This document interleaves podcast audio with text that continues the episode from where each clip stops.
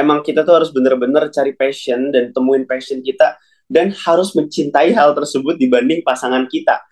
Even kalian udah punya pasangan ya, tolong cintai dulu passion kalian dan cari tahu dulu uh, apa aja yang kurang dari passion kita ini. Kita perdalam semuanya dan itu bisa jadi suatu kebermanfaatan juga buat kita dan juga orang lain. Sekarang ada pertanyaan yang gak kalah menarik juga nih. Kak, aku mau dong tips and trick jaga kesehatan dengan cara yang gampang. Soalnya aku orangnya mageran banget nih, Kak. Gitu. Gimana nih, Kak nggak kalau kayak gini kasusnya? Aduh, kalau kayak gitu, kalau yang gampang ya, menurutku semuanya nggak ada yang gampang. Aku pernah bilang juga, 1% progress is better than 100% is just one day. Karena 100% orang di satu hari aja itu nggak ngebuat orang ngebangun karakter, nggak ngebuat orang jadi apa-apa.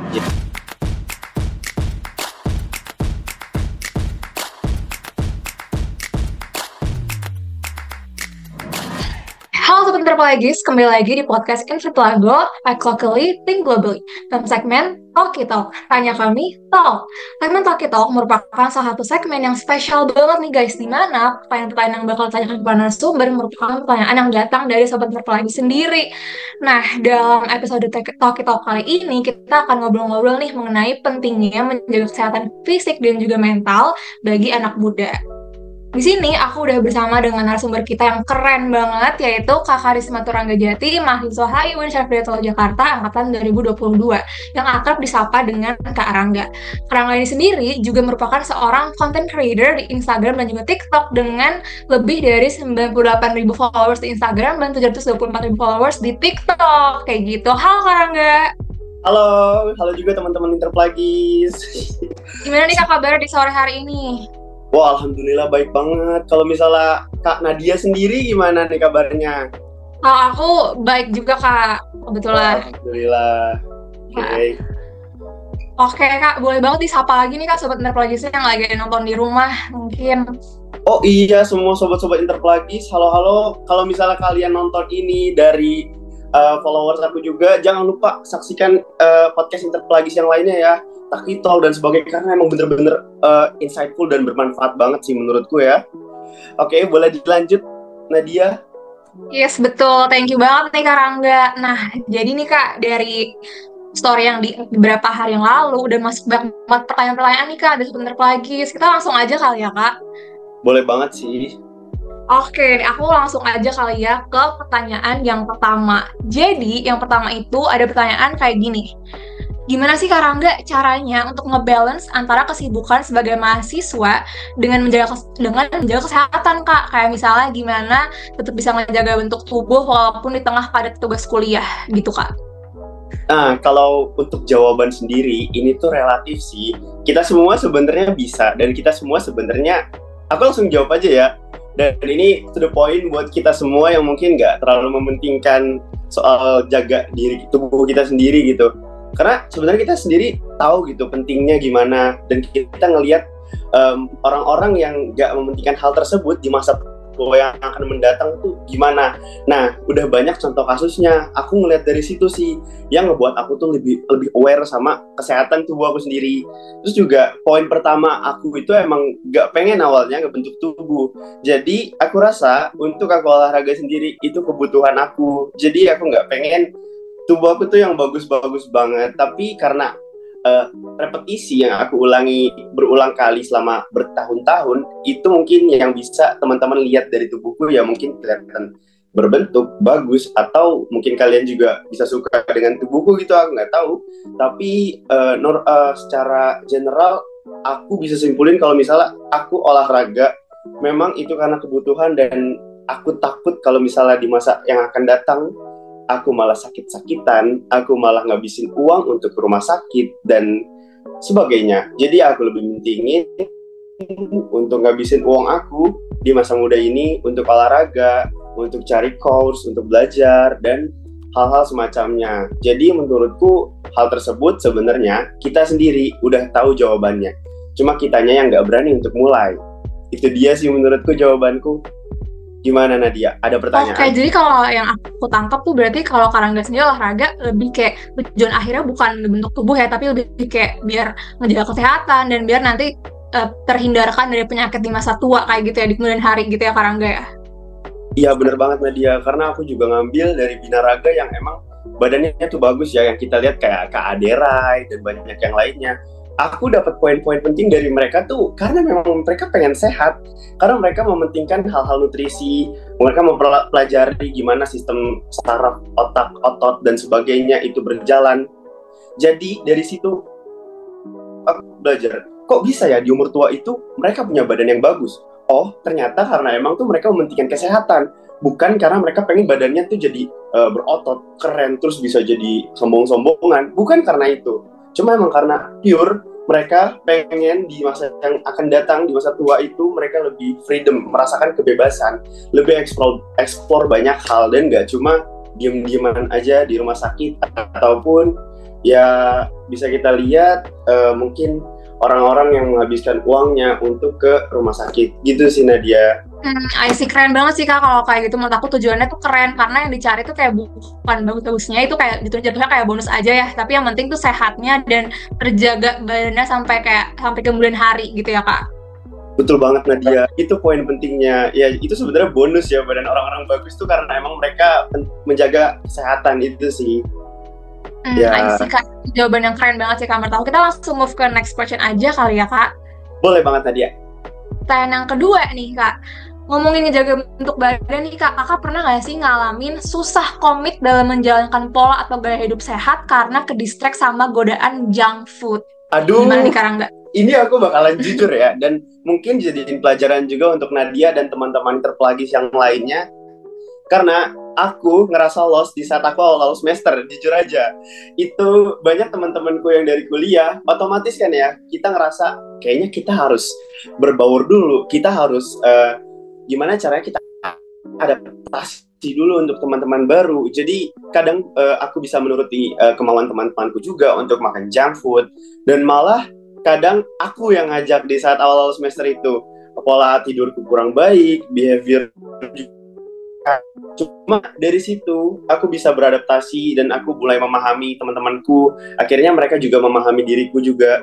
Jadi untuk kalian semua yang ngerasa lost dengan keseharian kalian yang udah terjaga, udah produktif, terus kalian masuk ke circle baru, kalian masuk ke lingkungan baru, itu sebenarnya baik nggak baik juga untuk kalian memahami teman-teman kalian, tapi usahain jangan masuk terlalu dalam kalau kalian memang punya manfaat juga untuk kita. Jadi ya harus benefitnya tuh bolak-balik gitu. Jadi uh, aku sempat banget makan junk food dan yang Nadia bilang itu sempatlah di awal-awal semester. Cuma di semester 2 dan 3 dan sampai sekarang aku ngerasa oke okay, stop. Aku ngerasa udah berlebihan. Ya kita semua tahu sampai akhirnya aku recharge energiku lagi aku minta bantuan lagi dan aku balik lagi ke diriku yang sebelumnya. Gimana sih? Kok aku bisa sampai sejauh ini. Kok misal kok bisa aku uh, makan yang nggak sehat-sehat gini gitu. Sampai akhirnya aku ngerasa oke okay, aku stop. Aku bilang ke teman-temanku juga sampai teman-temanku juga, juga paham gitu. Misal aku lagi main aku bawa bekal. Aku lagi main aku bilang aku pulang ya jam segini dan mereka akhirnya memahami. Dan semua itu normal menurutku kalau misalnya emang ada kendala seperti itu. Karena semua iman dan uh, disiplin itu up and down ya. Kita semua pasti ngalamin hal itu. Tapi jangan sampai jatuh terlalu dalam kalau misalnya kita udah menyadari hal itu gitu. Iya, bener banget. Kalau misalnya aku lihat sih dari jawaban kakak tuh berarti kalau kayak peran uh, lingkungan, peran atau support dari teman-teman atau lingkungan sekitar tuh ngaruh banget juga ya kak. Jadi kalau misalnya kakak tuh pengen nerapin pola hidup sehat dan kakak bilang ke teman-teman, kalau teman-teman kakak ngerti itu juga bakal mengaruh ke kontribu, mengaruh berkontribusi ke dalam keberhasilan kita mempertahankan pola hidup sehat gitu ya kak ya. Betul banget sih Nadia, apalagi hmm. bukan ke kita aja, kadang juga teman-teman kita ngerasa dengan adanya kita mereka malah terbantu dengan hal-hal positif juga yang tadinya nggak ada malah mereka pengen ada gitu pengen ada akunya sampai aku bisa ngebantu mereka untuk ikut olahraga juga aku bisa ngebantu mereka untuk jaga pola makan yang lebih sehat juga memahami nutrisi dan itu ngerasa suatu achievement buat aku untuk bisa ngasih benefit ke teman-teman juga gitu loh keren banget sih kak jadi kakak tuh ngasih benefit bukan hanya ke diri sendiri aja tapi bahkan ke orang-orang di sekitar gitu ya kak ya Iya, bisa dibilang. Aku keren banget sih kak. Benar-benar sangat-sangat inspiratif kalau menurut aku ya. Ya. Oke. Okay. Amin. Amin. Oke, okay, kita boleh lanjut ke next question nggak ya kak? Boleh Nadia. Oke, kalau question yang selanjutnya nih Kak, ada pertanyaan dari sebentar lagi kayak gini. Selain harus selalu berpikir positif, gimana sih Kak caranya untuk menjaga kesehatan mental? Terlebih di sekian banyak kemungkinan terburuk pasti susah banget kan Kak buat maintain positive thinking. Gimana tuh Karangga? Kalau aku sendiri ya, aku kan dulu emang mulai awal bisa balik ke diri aku yang bisa dilihat sama followers-followersku sekarang itu ada masanya juga. Jadi gimana titik balik aku bisa sampai seperti ini tuh dulu jujur aja karena aku olahraga dan sebagainya. Tapi itu aku rasa nggak terlalu memperbaiki ke, apa kesehatan mental aku di saat aku kuliah. Jadi workout aja nggak cukup jujur. Olahraga itu jujur kurang gitu. Uh, jadi mungkin beberapa dopaminnya terasa efeknya, tapi setelah itu kalian juga harus kembangin. Mungkin aku sendiri dengan cara menulis dan membaca itu ngebantu aku banget. Dari aku menulis sendiri, nggak jauh-jauh teman-teman. Teman-teman bisa langsung praktekin contoh untuk mendokumentasikan diri teman-teman. Kalian mau ngapain, dan itu nggak ada salahnya juga. Mungkin teman-teman bakal dapat hate or semacamnya dari teman-teman di lingkungan sekitar gitu kayak kok tumben banget ngelakuin hal ini ih sosokan banget sih lu bikin konten kayak gini sosokan banget sih lu nulis kayak gini aku rasa itu bakal yang didapat uh, cuma di awal-awal aja kok. Kalian dapat uh, hal-hal kayak gitu nggak nggak bakal lama dan aku rasa penyesalannya itu justru kalau misalnya kalian nggak ngelakuin hal itu gitu. Jadi menurutku menulis dan memprosesnya menjadi konten atau uh, kalian bikin suatu karya itu lebih uh, memperbaiki kesehatan mental kalian jadi lebih baik. Di semasa-masa kalian kuliah atau lagi uh, gempar apa ya kayak burnout dan sebagainya itu ngebantu banget jujur buat aku. Aku menulis storyline buat konten itu nggak cuma buat konten aja. Jadi ada yang perlu diperhatikan kayak um, ini bakal jadi kayak gimana nantinya. Di menit segini aku harus ngapain? Itu semua aku tulis. Dan itu part terenak menurutku part ter apa ya membuat aku tuh kayak dapat dopamin lebih dapat uh, kebahagiaan lebih dari situ di saat aku sudah menyelesaikan hal tersebut gitu. Nah, teman-teman bisa langsung lakuin tuh kayak aku mau buat konten ini ah hari ini, tapi aku buat storyline dulu. Nah, di, di posisi itu yang ngebuat aku mentalku lebih sehat dibanding aku yang dulu cuma buat konten aja iseng, buat konten 15 detik, tapi dengan ngebuat konten yang insightful buat orang-orang sekitar itu juga salah satu yang ngebuat kita tuh belajar juga gitu. Kita dapat endorfin lebih kita dapat kesehatan mental lebih dari situ. Dan juga kalau misalnya teman-teman merasakan manfaat yang dimiliki teman-teman bisa jadi manfaat buat semua orang aku rasa itu apa ya tambahan energi lebih sih buat teman-teman semua biar jadi lebih semangat ngejalanin aktivitas ataupun berkuliah gitu ya itu sih salah satunya nulis konten, terus buat storyline, buat konten, terus nulis-nulis puisi yang sebenarnya nggak nggak harus dipublikasi gitu puisiku.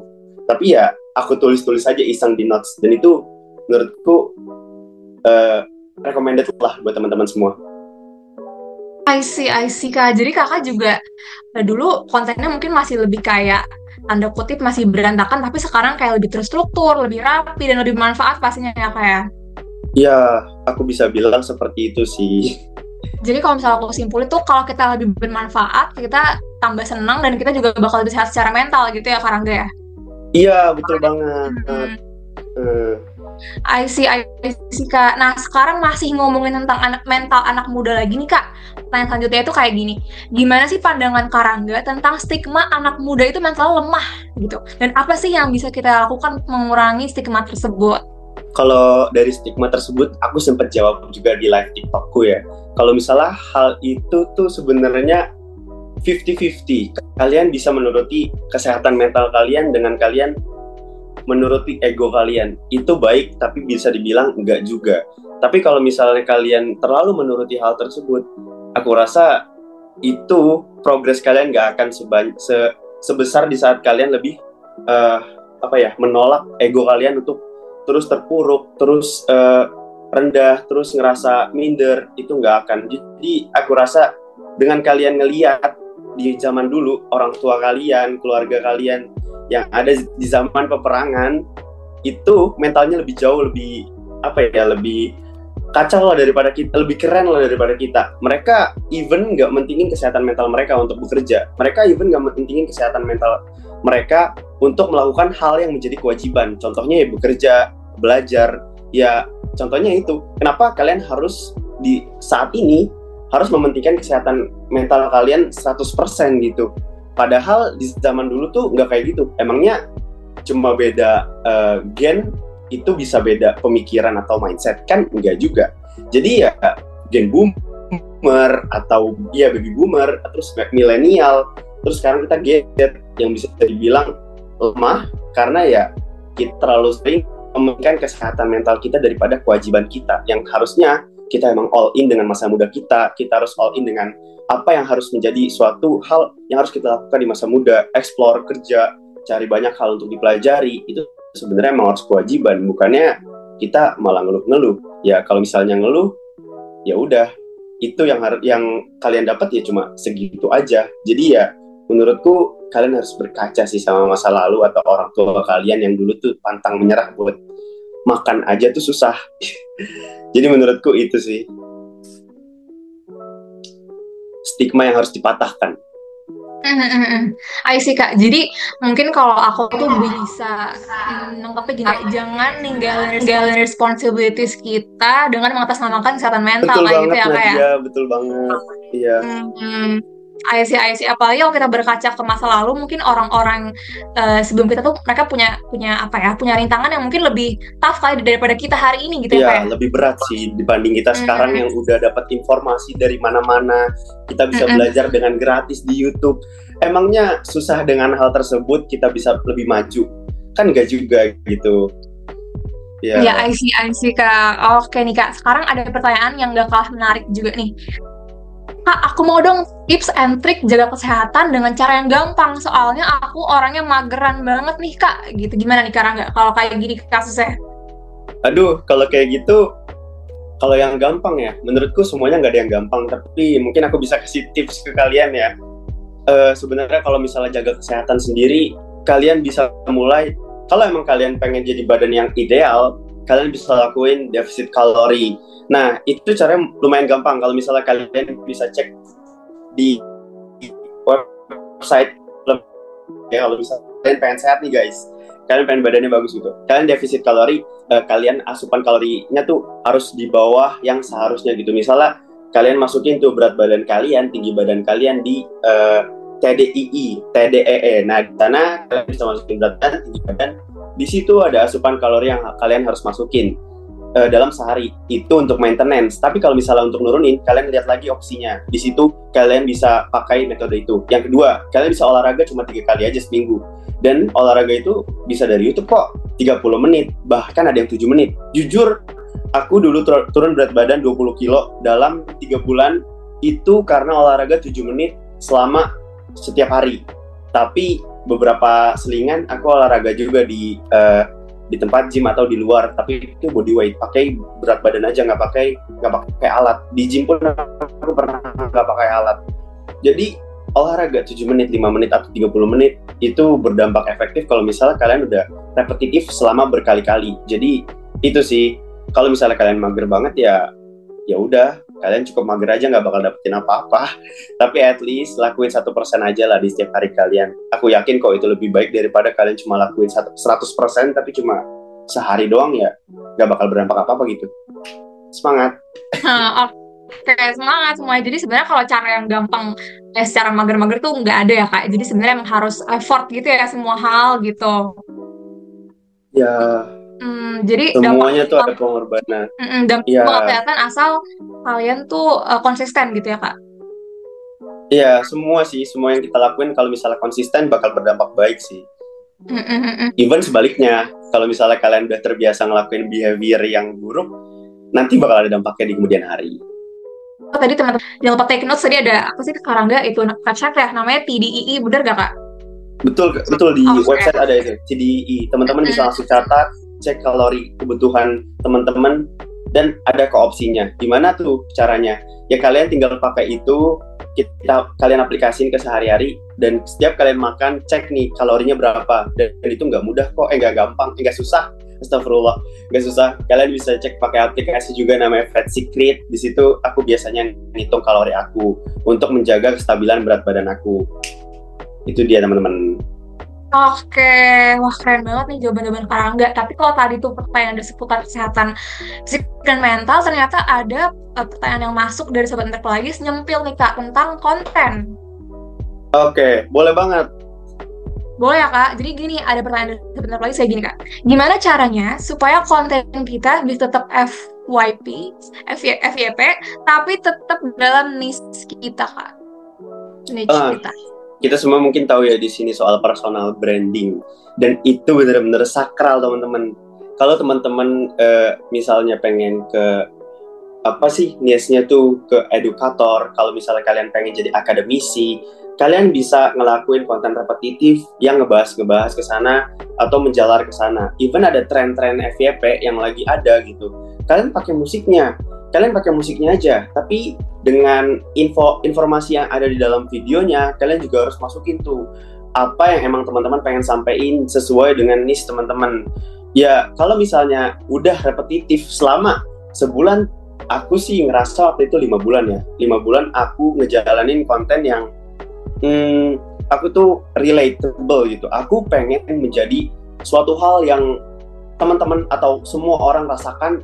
Aku jadiin itu konten. Jadi hal tersebut aku integrasiin dengan niche aku sendiri. Contohnya olahraga. Jadi dari situ aku bisa mempadu padankan ya konten yang FYP, konten yang relate, aku masukin konten olahraga sedikit. Aku kasih, even kalau misalnya emang nggak ada, aku kasih gimmick jadi di situ yang ngebangun personal branding kita makin jadi kuat gitu. Jadi bukan cuma yang FYP FYP aja, FYP sekali nggak tahu kan kita bakal FYP lagi atau enggak. Jadi emang harus konsisten, repetitif dan uh, mulai apa ya mainin otak kognitif kalian untuk lebih kreatif dan memasukkan uh, integrasi yang kalian pengen masukin gitu kayak olahraga, uh, akademisi dan sebagainya kalian bisa masukin. Itu sih menurutku. Jadi untuk ngikutin tren aja, untuk ngikutin hashtag aja itu nggak terlalu berpengaruh. Jadi emang harus naikin personal branding itu penting. Oke kak, tapi pasti banyak banget nih kak orang-orang yang kayak masih bingung deh itu sebenarnya minatnya tuh ke mana, arahnya tuh mau ngapain. Jadi kalau kayak gitu biasanya dia bisa start dari mana sih kak? Kalau benar-benar lost kayak gitu? Kalau bener-bener lost tuh biasanya kalian harus lihat juga dari komentar dan hobi kalian. Nah, aku punya sedikit masukan juga nih buat anak muda seperti kita yang masih belasan tahun. Emang kita tuh harus bener-bener cari passion dan temuin passion kita dan harus mencintai hal tersebut dibanding pasangan kita. Even kalian udah punya pasangan ya, tolong cintai dulu passion kalian dan cari tahu dulu uh, apa aja yang kurang dari passion kita ini. Kita perdalam semuanya dan itu bisa jadi suatu kebermanfaatan juga buat kita dan juga orang lain. Dari hal tersebut, aku temuin uh, banyak orang-orang ngerasa bisa jadi termotivasi karena aku, bisa turun berat badannya karena aku. Dan dari situ tuh aku ngerasa, wah kayaknya aku bakal lanjutin nih konten olahraga karena orang-orang ngerasa lebih termotivasi. Nah dari situ tuh aku juga udah mulai dapat pemasukan dan jadinya juga kebermanfaatan itu jadi circle dan jadi muter balik gitu. Kita kasih kebermanfaatan diri kita, kita dapat kebermanfaatan yang lewat dari orang lain juga. Jadi ya back to back gitu. Jadi aku rasa teman-teman emang harus banget cari passion teman-teman semua biar dapetin niche teman-teman juga. Jadi nggak cuma bingung terus kayak uh, tiba-tiba ngide nih.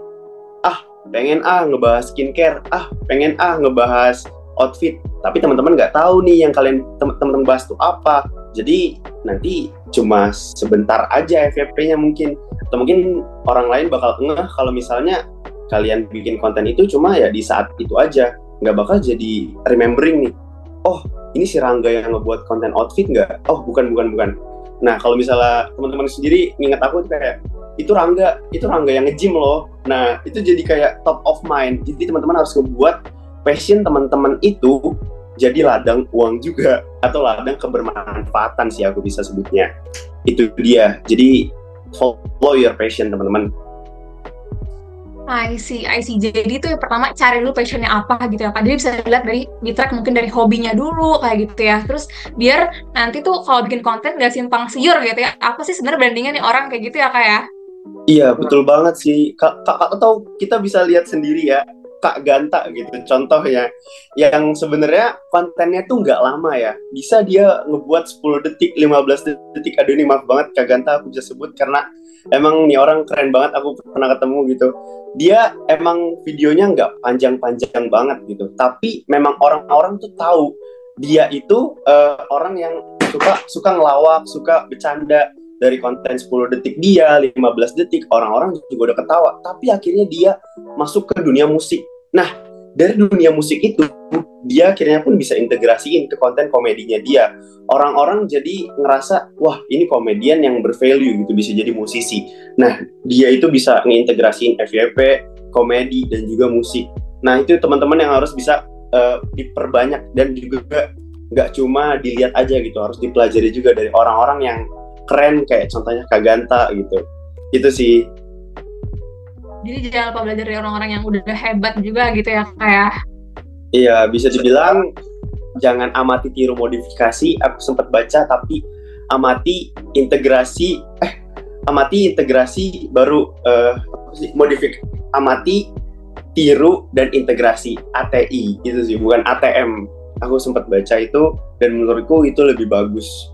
Dan juga lebih ngerasa originalitasnya tuh ada dari diri kita bukan sekedar ditiru aja Hmm, gitu ya kak. Oke, keren banget nih jawaban-jawaban Karangga gitu ya. Jadi kalau misalkan kakak bisa sendiri bisa simpulin nih dari jawab dari tadi tadi kita ngebahas soal kesehatan fisik, mental, sampai personal branding, kakak tuh bisa kayak ngasih satu satu tips besar apa nih buat semua anak muda di luar sana yang lagi berusaha menjaga fisiknya, mentalnya, dan juga mungkin pada berambisi mungkin punya berambisi mungkin jadi content creator gitu kak. Gimana nih kak? Ya, kalau misalnya soal itu aku bisa balikin ke hal yang passion. Uh, menurut kamu passion, kamu harus dalam soal hal itu. Yang kedua, jangan pernah takut untuk berproses. Kalau emang itu ngerasa sakit, ya emang itu seharusnya. Rasa sakit dari proses itu lebih baik daripada rasa sakit dari penyesalan. Dan memang hal tersebut yang ngebuat kita tuh uh, terbangun gitu dari situ uh, ngebangun karakter kita juga, ngebangun hal-hal yang jadi kebermanfaatan buat diri kita juga. Jadi menurutku segala hal yang kita pengen itu semua memiliki proses yang sedikit pahit dan sakit. Aku sempat up and down beberapa kali, tapi aku rasa lebih baik aku jalan daripada aku lari. Karena jalan itu, uh, even kamu nggak ngerasa ada progres di setiap hari, at least jalan aja. Kalau misalnya nggak bisa jalan ya merunduk. Kalau misalnya nggak bisa merunduk, tetap bernafas karena hal tersebut yang ngebuat kita tuh tetap ada progres dibanding kalian cuma semangat di satu hari aja. Aku pernah bilang juga 1% progress is better than 100% is just one day karena 100% orang di satu hari aja itu nggak ngebuat orang ngebangun karakter, nggak ngebuat orang jadi apa-apa. Jadi tetap jalanin aja apa yang emang kamu suka, apa yang emang kamu rasa punya kebermanfaatan. Kalau misalnya enggak, ya udah di-cut aja. Karena di masa muda itu kalian ngerasa hal-hal yang mungkin ngebuat kalian seneng, cari happy-happy dulu aja. Tapi rasa pahitnya, kegagalan, atau penyesalan itu lebih sakit dibanding rasa proses yang kalian jalani. Itu sih teman-teman. Oke, ampun, keren banget ya kak. Jadi kalau jadi kayak tiga kalimat saktinya itu kayak dalam passion, jangan pernah takut buat berproses, sama jalanin aja karena one percent every day is better than a hundred percent tapi cuma one day doang gitu ya. Betul banget. Aku sering banget singgung ini juga kok di live. I see kak, oke okay, ampun keren banget ya Karangga, nggak kerasa banget nih kita udah ngobrol-ngobrol, udah bincang-bincang sekian lama jadi thank you so much Marangga atas materi-materi yang super duper insightful. Nah buat sobat pelagi jangan lupa stay tune ya di podcast Pelago karena abis ini kita bakalan terus ada podcast dengan pembahasan yang gak kalah menarik dan juga narasumber-narasumber yang pastinya gak kalah hebat. Jadi thank you banget, thank you banget Karangga sekali lagi udah mau jadi narasumber kita pada podcast kali ini. Yes, gitu. Dan yeah. terima kasih semuanya. Selamat Terima kasih banyak juga Nadia. Sampai jumpa ya. Betul. Iya, makasih banyak semuanya dan juga Karangga. Oke, kayaknya aku sudah di sini ya podcast kita kali ini. See you di selanjutnya, sahabat lagi. Bye-bye. Bye-bye.